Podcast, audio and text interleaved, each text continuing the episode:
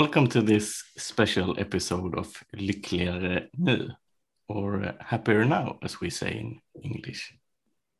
Today we have our friend Elaine with us. Welcome, Elaine. It's lovely to be here. Thank you for asking me. Great, great.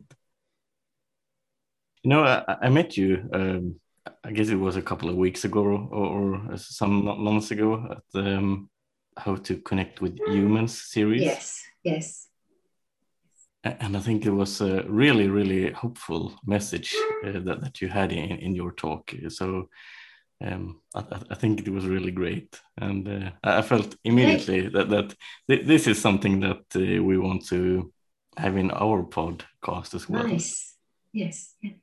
Well, I'm thrilled. I'm thrilled, I say, to be here and share anything that I can. Great, great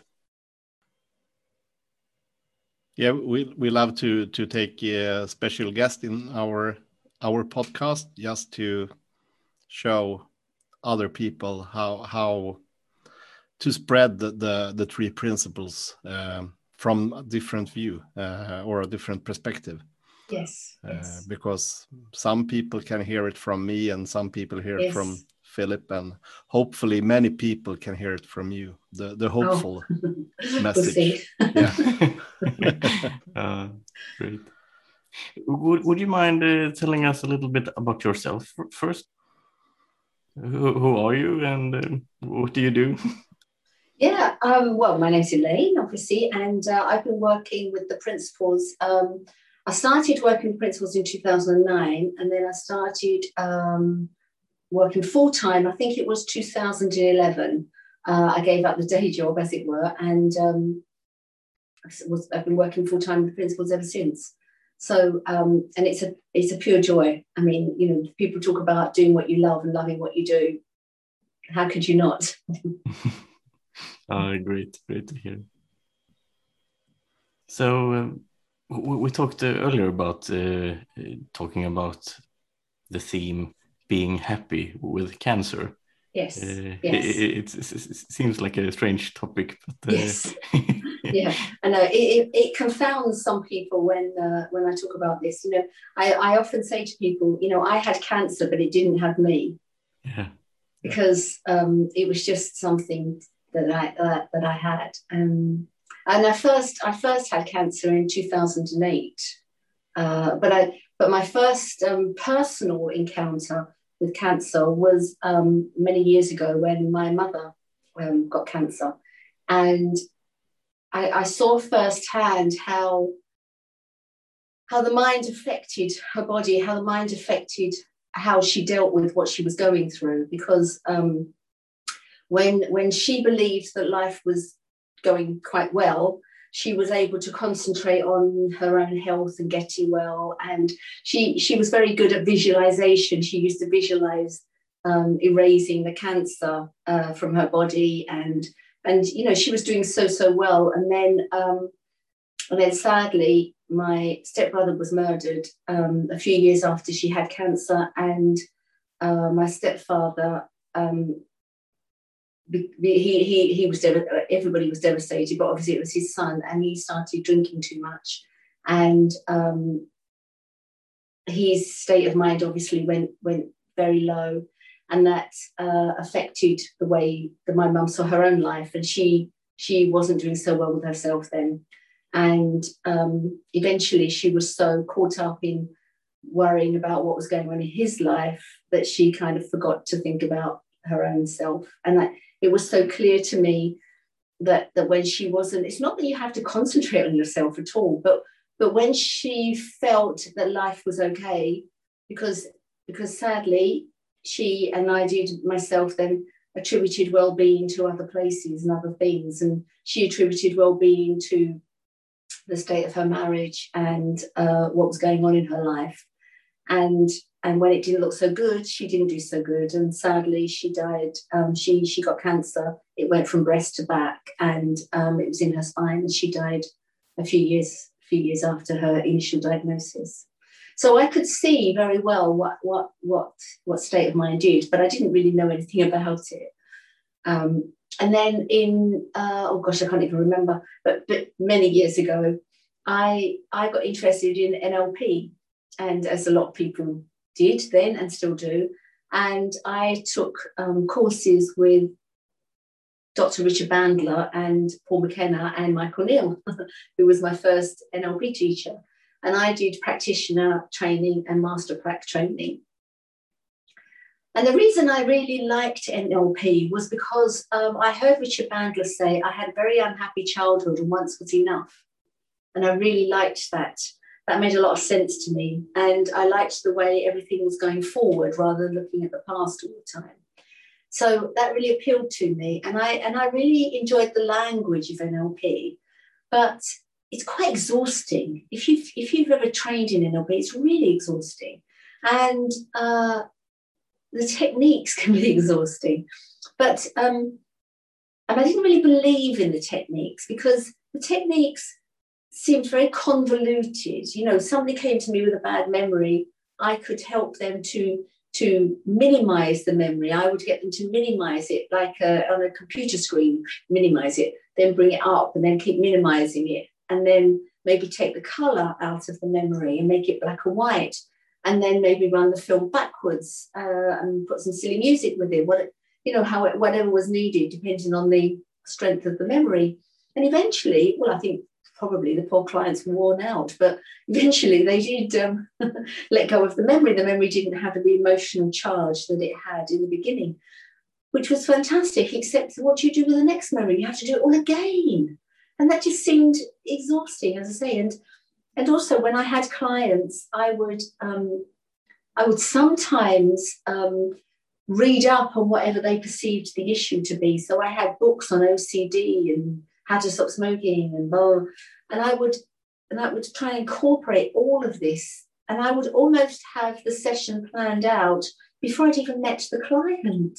You know, it was it was an innocent arrogance that I was going to cure you. You know, um, and that didn't really sit right with me. And of course you have to be so on it when you're when you're working with nlp because you're constantly tracking their language patterns.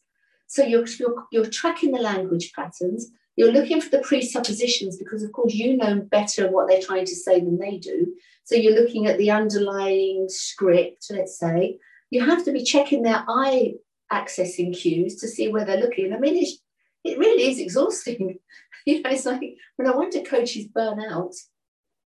But you know, I was doing that and I was doing it part time and, and I and I was yeah enjoying it. And then in um, in in 2008, I was diagnosed with cancer, and um, it was time to walk my talk. You know, I knew how to to deal with states of mind. I knew, you know, I'd done all this training. I could do this, and so I I I dealt with it very well. Um, I didn't. It, I can't say it greatly affected me. I, there was two. There were two operations and six weeks of daily treatment, and it was very boring. But I can't say I felt desperately affected by it. Coincidentally, I got cancer at the same age that my mother did, and the same cancer, which wasn't genetic, uh, but it, it, that might be something to, to investigate one day. You know, did I expect it? I don't know. Did I expect to get it? Who knows? But um, you know, I, I say I, I dealt I dealt with it very well. It wasn't too much of a problem, but there was a lot of doing around it. There was a lot of not letting myself um, succumb to any fearful thoughts. Uh, cancer was still a thing that I'd got, as it were, and I needed to beat it, you know. And I, I never did go along with the cancer terminology. Um, I think I might have said before, but you know, I, I never called myself a cancer survivor because, you know, I'd had flu and I don't call myself a flu survivor. You know, it's just, so I didn't go along with the language of it, but there was definitely a doing. And then a year later, I wanted to become, um, you know, I'd, I'd finished the treatment, I was doing well, and, and I wanted to become a better NLP coach. So I hired um, a guy called Jamie Smart, who was one of the um, top NLP trainers in the UK at the time. And, and, and I actually, at the same time, I wanted to change things. Jamie was um, asking for an apprentice. So I um, jumped in and became his apprentice. Um, and it was a big, it was a huge leap of faith because during my my initial cancer diagnosis in 2008, I was downsizing my home because I was, you know, um, I, I was divorced and I had one daughter at home who was an adult, and the other daughter was at university, so backwards and forwards. So we, we could easily have a smaller home. And also, it, it meant I could, you know, have a smaller mortgage, get rid of any debts. And then a year later, I signed up a huge amount of money remortgaged my house to go and be an apprentice with Jamie Smart and never regretted it for a single second. So I thought I was going to become um, a better NLP coach. But what I didn't realize was as I signed up with Jamie, Jamie signed up with Michael Neill. So Jamie also thought he was going to increase his, his NLP, uh, uh, you know, his, his work. And of course, Michael was now totally principles. So so Jamie was getting the principles from Michael, and then and then fortunately, I was so lucky then giving passing them straight to me, as it were. So um, I was incredibly lucky to to be around at, at the start of Jamie's um, journey, and and when the principles weren't really very well known in the UK at all. I mean, obviously they're not hugely widely known now, but but back then it was a very small amount of people that knew of them. So um, and then when I when I when I um, came across the principles in 2009, there was a definite dissolving of, of everything that I'd been holding so tightly onto. So I had not realized how tightly I'd been holding on to um, not being affected by cancer, not um, worrying. I, and I have to say, I didn't worry about whether it was going to come back, but I, but I was, I was doing that. I was purposely not worrying. And when I came across the principles, it was such a relief because I was able to just let go, which was wonderful. And um, and I and I I never worried about whether it was going to come back or not. And a lot of people used to say to me, you know, they, they would talk about their cancer journey and they would be living in fear, which is a terrible place to live, isn't it? Um, and so, so you know, as I say, I was incredibly lucky because back in 2009, I was getting the principles from Jamie, and I think it was in 2010, he started bringing people over to the UK uh, to do three day trainings each month. So people like Keith Blevens and um, lots of people. And then, and then Aaron Turner and Mara Gleeson, as she was then, started One Thought Institute. And I was lucky enough to do the four year with them as an auditor. So I was so it was really funny. I was just uh, totally immersed in the principles at that time because it was, you know, a three day weekend with Jamie and then doing this as well. And then in 2011, I did my trainer training with uh, Dr. Mark Howard and Kathy Casey, which was amazing. So yeah, and then you know continued to work with Jamie as he as he expanded his principles and view. So that was really lucky. Yeah. So that was wonderful. And then um, you know, I, I, I was still I was working part time with clients, and then in 2011 I gave up my job, uh, my day job, and then worked totally as a coach, full time as a coach, which was wonderful. It's been it's been a wonderful ride, yeah. And then um, we had a strange year last year because last year um, in March, just at the beginning of the lockdown, uh, my partner Tony was diagnosed with um, a kidney tumor but he couldn't have it operated on because because of lockdown. So they were fairly sure that um, this was going to be, uh, you know, it wasn't it, there wasn't anything to worry about over the next few months, but they needed to, to obviously monitor it. And Tony, I met Tony during my journey of the, principles. I met Tony right at the beginning, and so uh, he's been on this journey too. And it was wonderful because he didn't worry about it at all. We just didn't worry about it at all. We didn't we didn't think about it at all. I think the only thing I said was we really needed to be a little bit careful of his immune system. So obviously people were locked down, but we wanted to keep people at a distance anyway because you know I was aware that his immune system could be um, impaired while he was waiting for his operation. So so that was fine. And then he was operated on in August and um, did fantastically well. And then so so we were kind of getting him back back to full strength in September. And around that time, I, I I've never been very good at um, self examination, not physically or mentally, But I, I must say, I don't know why, but um, having had um, part of a breast taken away, you had there's a lot of scar tissue. So I, I just, I kind of felt something and I thought, oh, it must, must be scar tissue. Um, and didn't really pay any attention to it because we were, I wanted to get Tony back to strength, you know. And then um, in October, uh, I kind of re- remembered it again and thought I should go to the doctor. And then I was actually diagnosed with cancer again in at the beginning of November. So as far as I was concerned, it was 13 years since the first one, which I thought was pretty good going. no, no, I can't say I was um, worried about it at all. But interestingly, a friend of mine recently posted on Facebook who has who had cancer six years ago, um, and has just gone through a reconstructive operation. And she said that when she got cancer, and since then with the operations, she has felt various, and her her husband is is is a 3P trainer.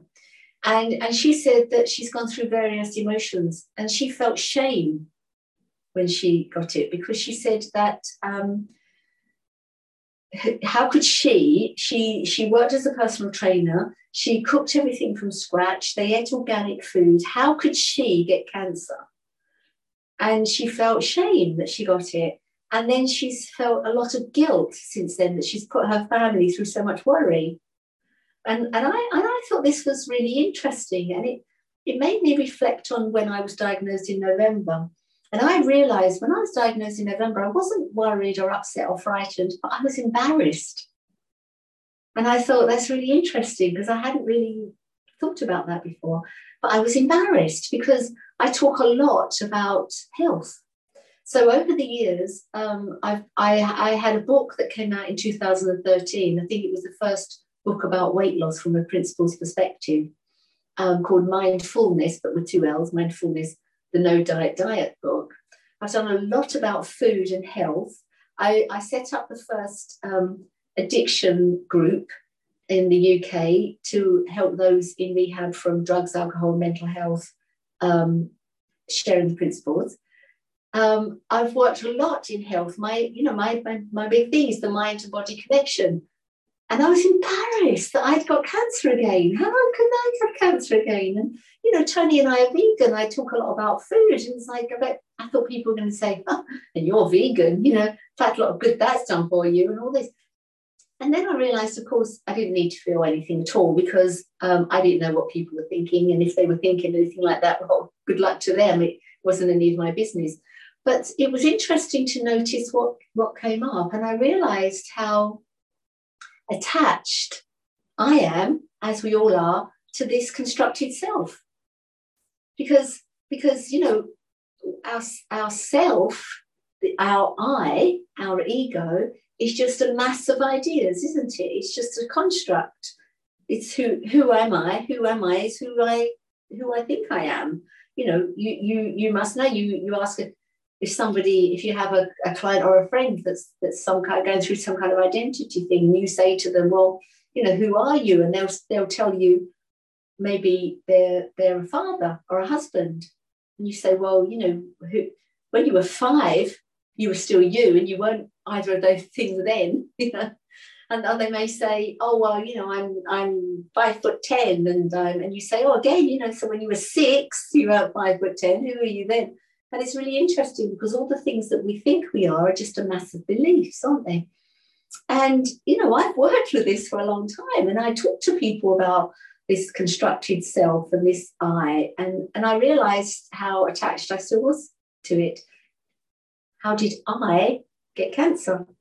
How did how did I have this? You know, what were what might people think of me?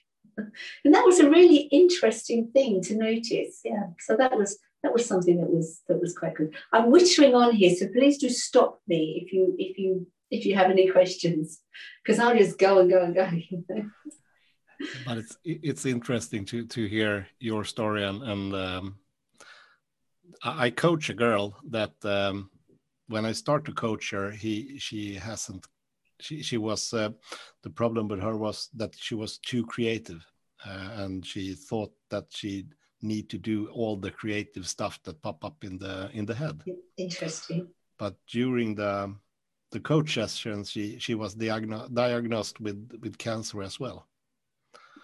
But what what she said that she feels so peaceful nice. in, in the way yes. of handling the cancer. Nice, good. That's lovely. Yes, yeah, yeah. You see, people think it's interesting. The, the first time I had cancer, I worked at a university and um, I knew I had to go and have an operation. I think it was, I don't know if it was the first, second operation. And I was trying to get some exam board marks together. And one of the um, the professors there said, Oh, yes, okay. So, you know, where are we going on holiday? And I said, What do you mean? He said, Well, you must be going on holiday because you're, you know, you're not going to be here at the exam board. And I said, No, I've got cancer. I've got to have an operation. And um, he was so shocked that people asked me if I would break the news of my cancer more gently to other people because they couldn't cope. you know? which did, did amuse me. They, they couldn't cope with mine because it's an assumption that you are going to you are going to be frightened, worried, upset, fearful, and all the things that people associate with it. Well, that's not obligatory.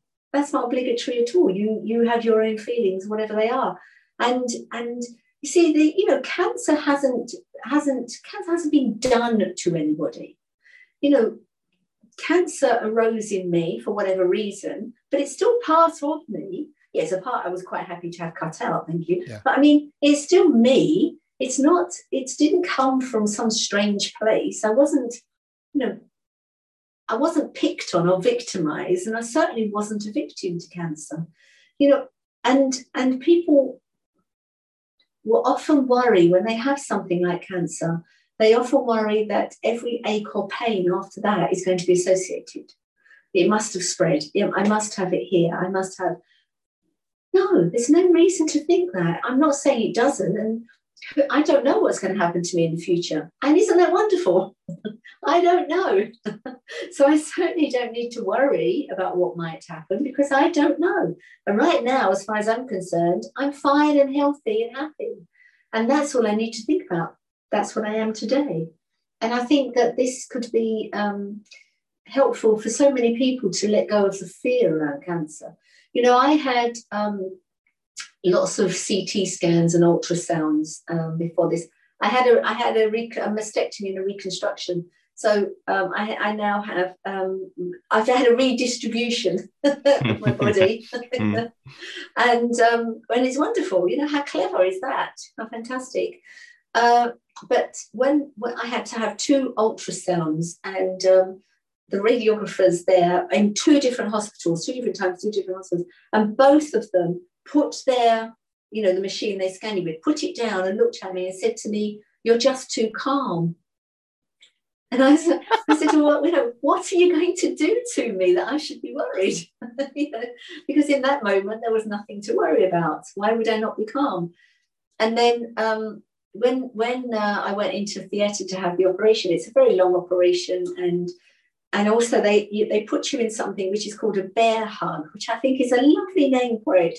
That's just a coincidence; it's called that, but it's like a big duvet that they fill up with hot air that's wrapped around you, and it's to keep your blood, vessels warm, so they so they can you know operate them on them more easily. So you have to waddle into the theatre. You don't get wheeled in or anything. You waddle in and and I was talking to and they, and it was you know coming up to Christmas when I had my operation and somebody said something about Christmas lunch and I said oh well we're vegan you know we're going to have whatever it was and the anaesthetist said to me oh I'm flirting with the idea of being vegan well I was having such a lovely chat with him I kind of forgot where I was and then he said to me well you know just just hop on the bed he said I'm just going to give you something to make you even more relaxed and I laughed and he said, Well, look at your heartbeat. He pointed me to the machine. He said, You're so relaxed. You know, and I think it was a shock to him because I was I was looking at uh, you know, maybe six to ten hour operation.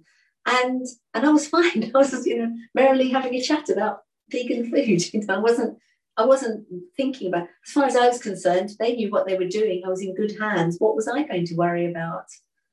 So um, you know, and I I, I didn't need to. And the only thing I was concerned about when I came round, I had this wonderful idea that I might wake up being able to speak a different language. and, I, and I asked the doctor, you know, am I speaking French? And he said, no. And I was like, oh, rats. I thought that would be great. I read about these things. So, you know, it really wasn't a deal at all. Nothing, it really wasn't a problem. Um, it, it just wasn't a problem at all. And the recovery wasn't a problem. You know, it it was my body that needed to recover, and my body isn't me. You know, I, I my innate self hadn't been touched by what was happening, and so my body, as I say, had bits redistributed, and and my body knows how to heal. I don't have to heal my body. It does a very good job on its own. It's it, you know we are self-correcting machines, um, and we know that I I knew my body would heal because that's what it's supposed to do. But isn't it interesting that most of the time we forget that our minds are self-correcting too? That that if we if we we don't need to do anything to feel better, we can just leave it alone. yeah, it's it's when you leave it alone you feel better. When when you try to do something, then you're stressed up.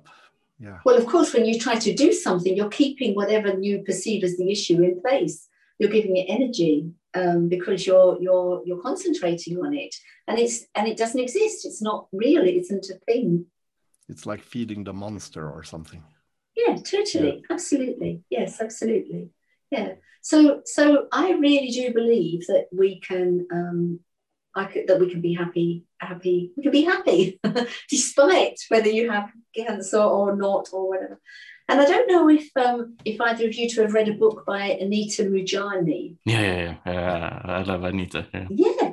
Well, I was talking to a young client recently who um, said she she had a fear of dying, and and I said, well, you know, unless you know something that we don't, you don't know what's going to happen. What is it you? Well, first of all, I asked her what it was that she feared about dying. Um, was it leaving people behind? Or, and she said, no, I, I'm worried I'm going to be alone. And I said, well, you know, isn't it wonderful that you don't know what it is and you know you can make it anything you want can't you if you're going to think about what could happen and i said you know about anita moorjani's book and i hadn't actually read it. I've watched lots of podcasts i listened to podcasts watched videos on. So i i i bought the book you know and i don't know if either of you have read the book dying the first one. Yeah yeah. Yeah. Yeah dying to be me. Well, well you know the whole um, near death experience um, you can you can believe it or not. You can think that's fantastic, or you can think it could have been the drugs, and that's fine. But um, what's irrefutable is that when she opened her eyes, the cancer had disappeared, and that's that's amazing, isn't it? How how did that happen, if not for the mind?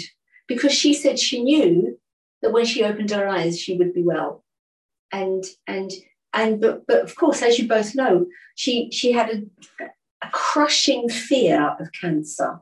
Yeah. Before she got cancer, even she was terribly fearful of it, and then she got cancer and spent four years in high anxiety and, and fear. And then when she had her near death experience, and she said that death is just love, she felt only love. She was um, able to let go of the fear of dying and she didn't experience fear. And then her cancer went. I mean, that's quite astounding, isn't it? And I love what she said about um, the words she brought back from her father is live life fearlessly. Yeah. Yeah. And I think that's that's amazing because having cancer has nothing to do with ha- have the experience of cancer doesn't have an, anything to do with fear. You don't have to experience fear yeah anita's story it's so hopeful as well to, to, to as she, she put it was supposed to be dying exactly. uh, and then yes. uh, came back it's well it's the closest thing to magic that, that you can experience i guess but aren't aren't we the closest thing to magic yeah yeah yeah but, but we don't yeah, of course. but we don't don't realize that you know i often tell um uh, people about uh, a story of a guy called Mr. Wright, who in 1958, the case was, was widely reported in 1958. This guy had uh, the same, the same, I think he had lymphedema or non-Hodgkin's or Hodgkin's, I can't remember. uh, like Anita Moorjani. And he had um, tumors the size of oranges in his groin and his neck. And, and just like Anita, he wasn't able to lie down flat because his lungs would fill up and he had to have his lungs expirated, I think, three times a day. And the, doc, the, the clinic he was in, his, his family heard that the clinic were trialing a new drug called, uh, I think it's called Krebiozen. And um, they asked his doctor, a, a guy called um, Dr. Klopfer, if he could have this drug. And he wasn't supposed to be able to have the drug because the drug was supposed to be given to, to people with a prognosis of a few months at least. And and poor Mr. Wright was was you know on his last legs. He was uh, you know close to death. But um, but the, the the doctor felt sorry for him, and so he decided to give him the drug. And the doctor had, I think he gave him the drug on a Friday and had a rare weekend off. And when he came in on Monday, he expected Mr. Wright to have died over the weekend. And Mr. Wright was up, walking around, chatting to people. Um, and and the, the, research, the, the notes that was written up that were written up said his tumors had melted like snow on a radiator. And he was released to go home cured. Yeah? And um, and this man that had to have his lungs expirated three times a day was out flying his own plane, you know. And um, but sadly, there was a report in the, in the, in the newspaper to say that this drug uh, wasn't effective. And Mr. Wright read this report and came back to hospital with huge tumours again. And his doctor was Bruno Klopfer was was aware enough to realise that if the drug hadn't worked, then it wasn't the drug that cured him the first time, that it was his mind. So he told uh, Mr. Wright that he had another batch of the drug, like a really secret batch. And um, because the original batch had been contaminated in transportation, would Mr. Wright like to try this one? And of course, he said yes. So they injected him with saline water, and exactly the same thing happened. Everything, everything disappeared, and he was free to go home again. And sadly, again, a little while later, there was another report on, on this drug that hadn't worked. And Mr. Wright ended up back in hospital again. And it didn't matter how much his doctor, Bruno Klopfer, tried to explain to him that it wasn't the drug, but it was his mind that had cured him. Uh, Mr. Wright couldn't accept that, and sadly, he died. Now, you know, I often tell that story about the power of mind to demonstrate the power of mind. So, you know, you think you're cured, and he was. I'm not saying everybody can do that, and I'm not saying if people, sadly, like my mother, get very ill or they die, that or if, if anything happens to me, that I've done it, it's a it's a weak mind or it's not, it's a lack of faith. No, no, no, not at all. I'm just explaining how how the mind-body connection works, how wonderful you, you know, the, the brain is the mind's pharmacist. So if you think you're having something, the brain will produce the chemicals, which is why there are so many placebo tests with antidepressants that the sugar pills work because the brain produces the same chemicals as they would have in the tablet. But, but you know, there was part of me thought, oh, this was 1958. You know, they didn't have the equipment now. They didn't, as they do now. You know, they may have thought he was cured, but not really when he went home. But you know, Anita Moorjani was in a hospital in Hong Kong. You're not going to get a better hospital, the state of the art, everything. You know, machinery, doctors, everything would be the best. Yeah. And her cancer disappeared. Yeah, and they Stunning, can't isn't explain it? it. No, No, way. it's- It's it's it, I it, it really is stunning. Um, you know, when I think we forget that we have this magic, that we have the power of mind. You know, I was talking to a client um, uh, before I, I came on to talk to you guys, and he was talking about um, weight, and he was talking about um, that he wants to lose weight, but he said it's my birthday on Sunday, and he said I've asked my partner to to make these different desserts, and he said we have got people coming over. I'm not going to eat them all myself, but he said, oh, he said, you know, I said we'll just have a taste of them. You know, we're talking about the weight loss side of things, and and then he said, oh, he said, you know, I can imagine them, and I, he said, I'm I'm salivating now. And I said, well, isn't that a fantastic example of the power of the mind? Yeah. because you're tasting them, but they're not there. you know, which is it's amazing, isn't it? Yeah, yeah, it, it really is. I, another thing I liked with in the Anita Moorjani book was she said um, wherever she put her awareness when she was in a coma, she said that wherever she put her awareness, she was. Now, a lot of time people live in a coma. Sadly, you know, when I say that, I mean I don't mean they're, they're lying on their bed. I mean they are not awake to life, and isn't it the case where we put our awareness? That's that's where we are. You know, sometimes I say to people, "Are you aware of the air behind your neck?" Not the hair, the air behind your neck, and of course, we're not, are we? But when somebody says that, we suddenly do become aware that there's air behind our neck. Well, that air has always been there, not that air, you know, different air, but there has always been air, but we're not aware of it. And as soon as we put our awareness on something, we experience it. Well, if you put your awareness on on a fear of cancer and a fear of any illness or or an argument with your partner or whatever it would be, you obviously you're going to experience it in the same way that we experience air when we put our awareness there. You know? Yeah, and, and the experience tends to, to grow as well. If I put my attention on my headache, I feel more yes. headache. And if exactly. I sort of put my attention on my feet instead, uh, then it, it reduces. Yes. So I, I often uh, talk about um, uh, putting the attention on the feet yes. while I'm walking, because then I can't be, you know, up in the head all the time, um, or or, in, or, on your heart space, uh, for example, to yeah. feel a bit more alive and not be lost in thinking. Yes, yeah. It's so interesting, isn't it, that we don't notice that. I mean, you know, obviously, one of the things about the principles that attracts everybody, and it certainly did with, with, with me, was um, that we are experiencing our thinking 100% of the time. And, and we all know that we think, we all know we think, but, but we don't realize we're experiencing our thinking. You know, I would have said, I would have said many years ago that I was, uh, that my feelings were telling me something about my life, not that the only information in my feelings was where my, my head was. And that's that i think that is the i think that's something that transforms most people's lives when they when they hear about this understanding isn't it? It was actually that that um, get me interested in in the three principles where the feelings come from. Yes yes. I know it's fascinating isn't it? It just simplifies life doesn't it?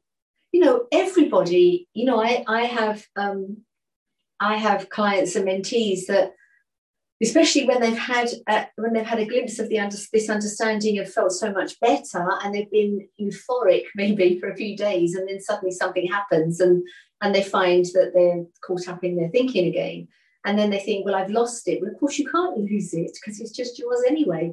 But but but we can't we can't well maybe some people can live on that that high plane all the time but i don't i've never met anyone yet that can.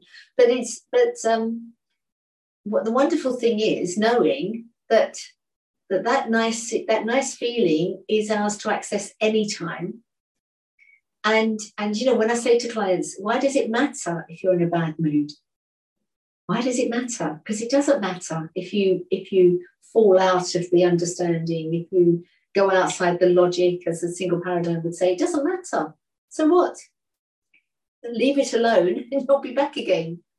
Yeah yeah. In that, sense it doesn't matter. But but for me uh, for example if i'm working yes. and uh, if i'm in a bad mood then it matters because then, then i shouldn't do certain things because uh, you know it, it, will just go to hell. It's better to wait for the good feeling and then do do the stuff. Yes. Yes and no i would say. Because you see they they used to talk a lot in the principles about waiting for a feeling. Whereas, you know, a lot of people will say, actually, now you don't have to wait for a feeling. I certainly wouldn't, as you know, send an email, have a conversation with somebody in, while you're in that mood.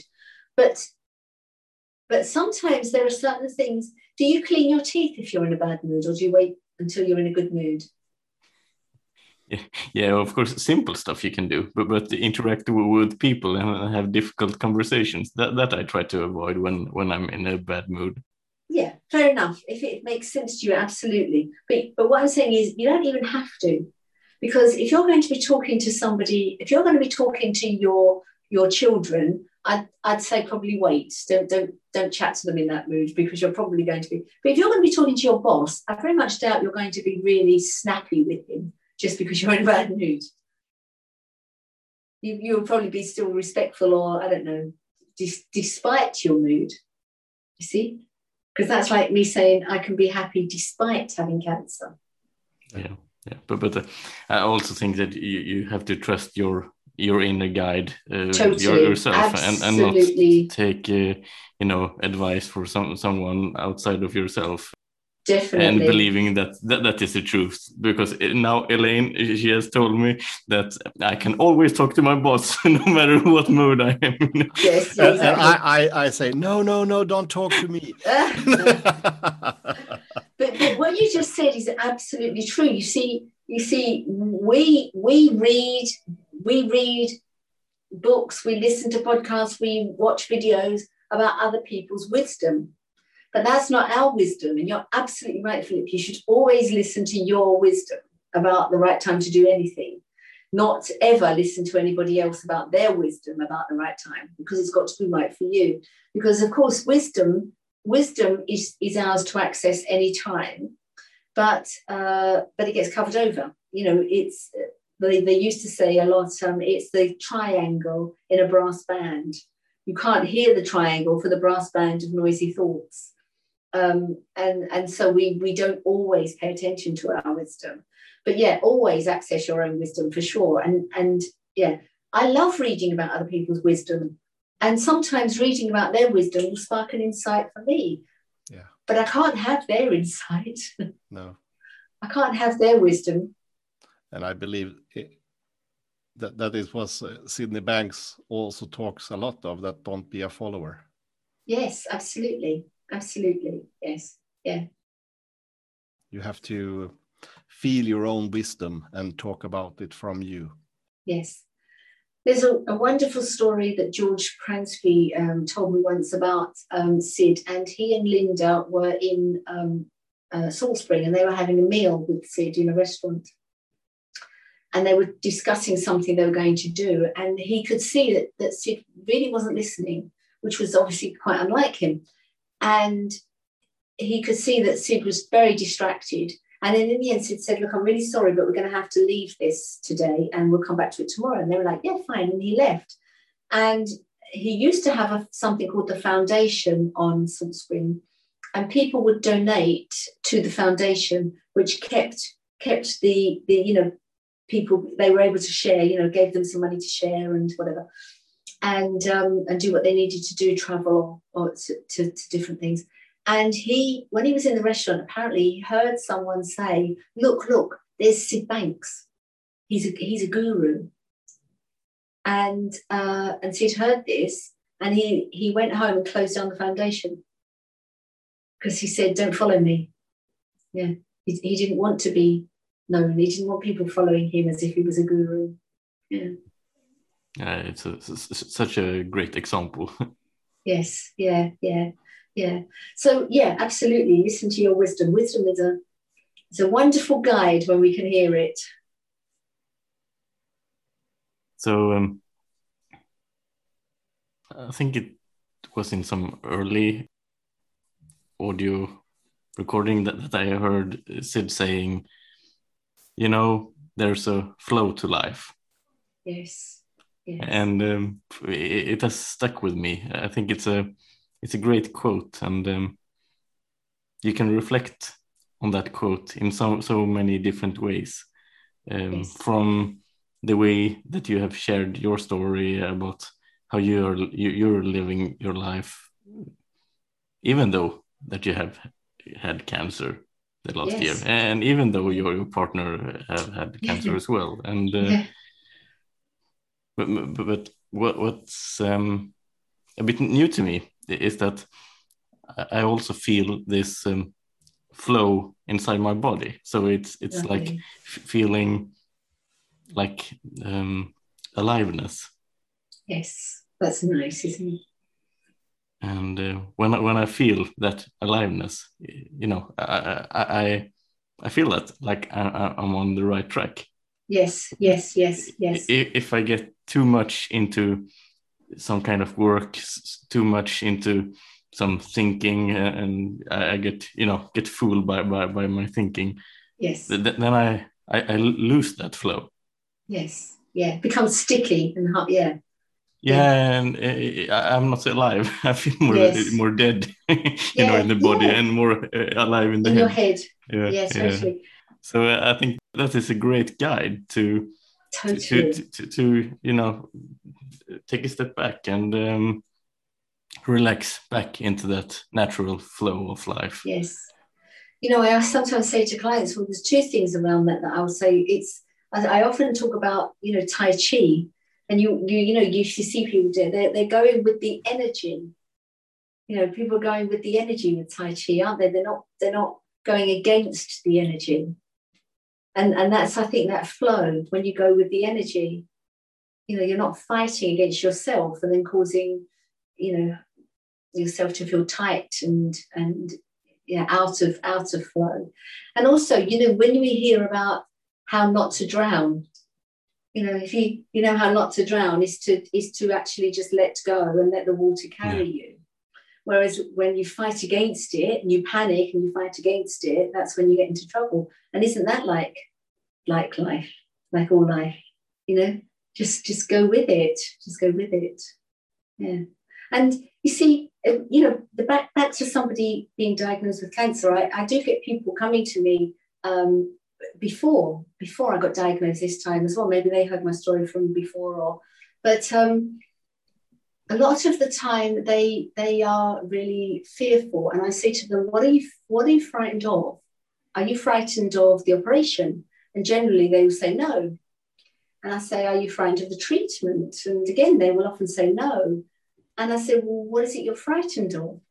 And they sometimes they can't say what they're frightened of. They're just frightened of this thing that's coming up, you know, they say to me, it's overwhelming. And I say, but what do you have to do today?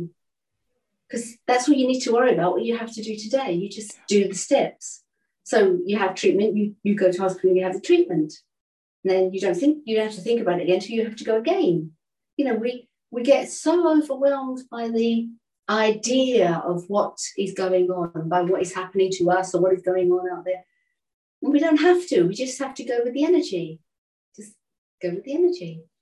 Yeah, that, that's great, great because there is this misconception that you have to be responsible, and uh, you know to be responsible, you really have to have a good plan, and you have to follow it, and you have to think yes. it through at least ten times. yes, yeah. yes. But, but it, it's so stupid. exactly. so, so yesterday I had a really busy day, and and um, in the evening I was supposed to be uh, in some kind of after work uh, thing on the computer. And then then the, there was a conference call so I had to do that as well. Uh, so I had this really good plan before. Uh, so, and at five o'clock I should go out with my dogs. And then um, my wife she promised that she could do the cooking. But when I opened the door then then the power left the house. so we had no, no power. So, so my plan that was so perfect, it yes. just failed. yes, exactly, exactly. Yeah.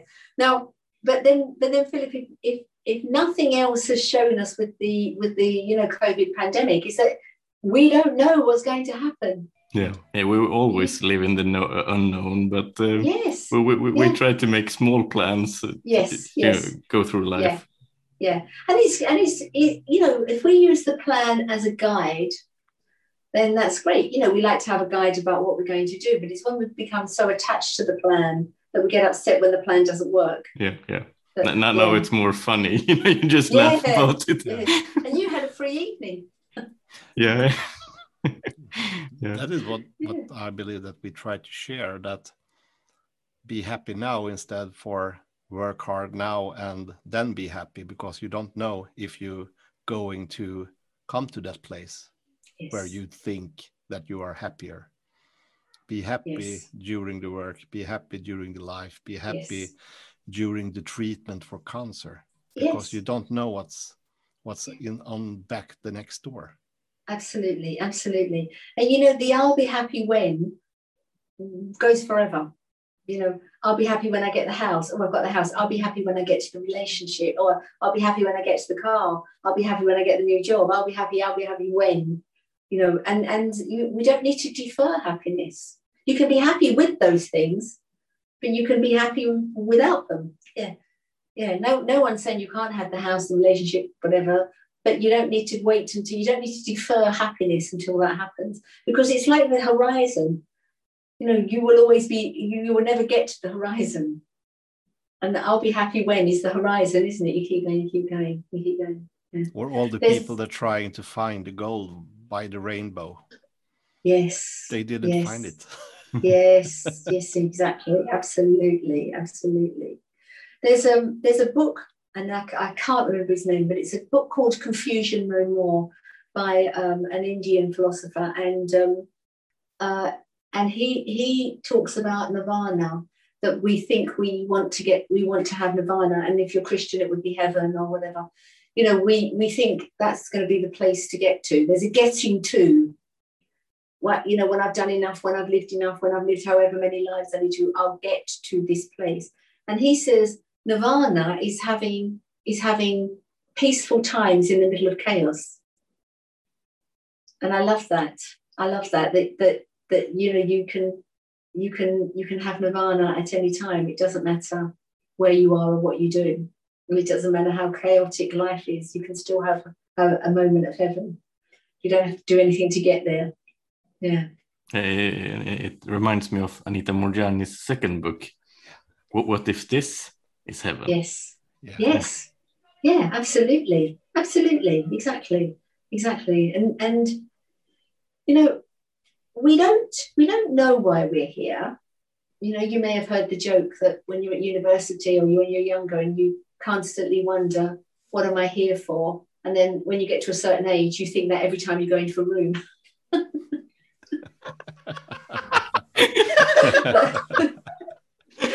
you know, there's no reason that we're here. There's no point to us being here, really, is there? So if there's no point to us being here, why are we enjoying it more? Yeah. You know, Yeah. why are we making it so difficult, so torturous? You know. Yeah, that's great. I, I have just finished uh, Anita Moorjani's third book. Wow. uh, Yes, that's, uh, yeah, as well, um, and I think it's really great. But, but the most important takeaway uh, for me is that you really, really, really don't. Uh, you're you're really not supposed to listen to the words. You, you have to Yes. see the deeper meaning behind it Yes. because Yes. in that book she says so many things that are seems totally contradictory to the principles but if you listen to the story behind it, it the, she's pointing to the same thing or, or it's not not a, not a thing but you know so, Yeah. because she isn't a principles a principles person, is she? As such, um, but of course she is because we all are. yeah Yeah, and and you know, you know, the principles have been called a lot of different things. I mean, health realization and psychology of mind, and over the years they've been called lots of different things. And I don't know if you've ever come across Richard Carlson's books, Dr. Yeah, yeah, Richard yeah. Carlson. Mm, I love his books. I love yeah his books. too And Mm. and in that, I think it's stop thinking, start living. There are five principles, you know. So so again, the words don't matter. It's not that there's there's this thing called the three principles. It's it's just that that's how they're described at the moment because we have to use form to describe the formless. So you know, they, we have to say something, don't we? Um, but it's not about the words at all.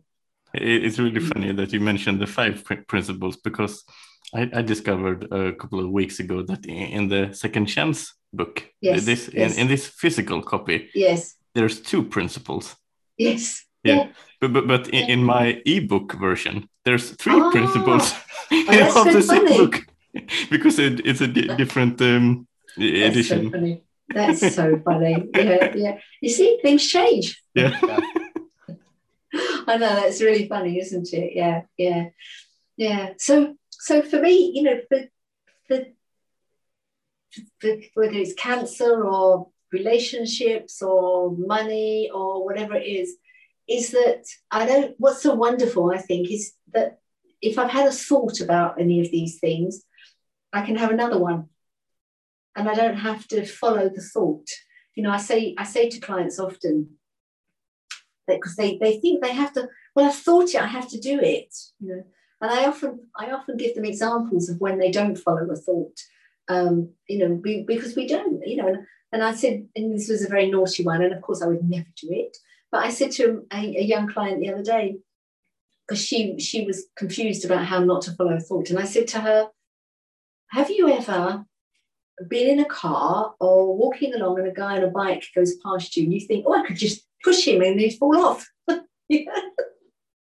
obviously, I never would. but I might have had the thought. And, and she was laughing and she said, Yes, I have had that thought. And I said, Well, you know, have you done it? And he said, She said, Of course not. I said, Well, why not? You've had the thought. And she could see then, oh yes, there's a lot of things that we think that we don't we don't follow just because we've had the thought. And it doesn't mean that the one the thought that she's that she's having you know, she's she started her, that neural pathway off and she's having new thought about the old subject. It doesn't make it any more important.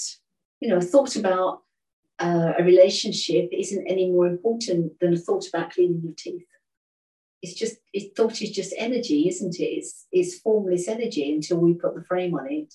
So there's no hierarchy of thought. And I think that's quite a relief as well. Uh, the, the funny thing that Dennis talks about a lot is uh, nobody has found the thought. No, because exactly. you can't find it. You can't find it. It's like mind.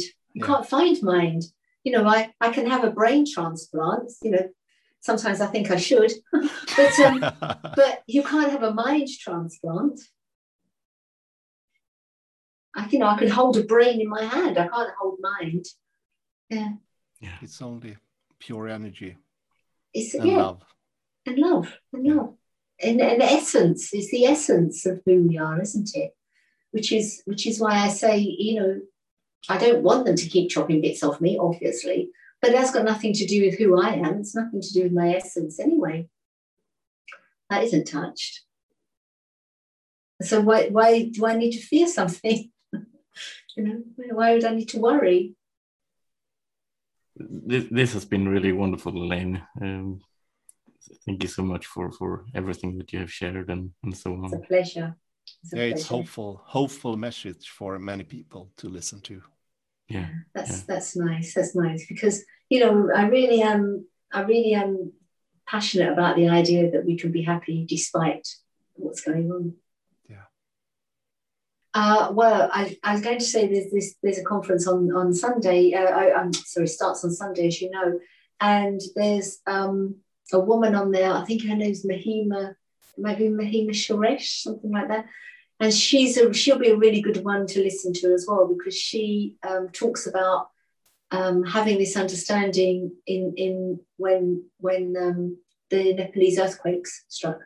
She was in Nepal, and how she didn't need, need to feel feel fear. She needed to get the hell out of there, of the you know standing in front of a building that was about to fall. But fear was optional. Uh, that is really, really interesting. Mm, because fear is always optional. Yeah. yeah. So, Elaine, if um, someone wants to find out more about you and, and the work you do, and perhaps um, contact you and so on. Yes, of course. Uh, how, how should they um, do that? Um, well, I, I, have a website which is just my name, so it's Elaine Hilides. Um, Elaine, H-I-L-I-D-E-S dot com. And, uh, and they contact me anytime, email me, or I'm all, you can probably tell I love to talk about this kind of thing. yeah, yeah, yeah, we can. so, so I, I'm always, I'm always happy to chat to anybody that, uh, that ever wants to talk. Yeah, that's really good, and we will put your um, your website info in the episode details also, so so people can find that there. And, and thank you very much for having me on. It's been a real pleasure. Yeah, thank you for being here. Uh, it has been a pleasure to to to listen to you, and and and it's wake something in me when you talk, uh, and that's that is happiness. That's nice. Yeah, yeah, lovely. Mm. Thank you so much, Elaine. And thank um, you. I wish you a, a very nice weekend. And um, you too. And uh, I may see you in in a room over the uh, uh, during the conference. Who knows? Yeah, yeah hopefully. Excellent. Yeah, so. excellent. Thank okay you. then. Bye bye. Bye bye. Bye bye. Bye bye. bye.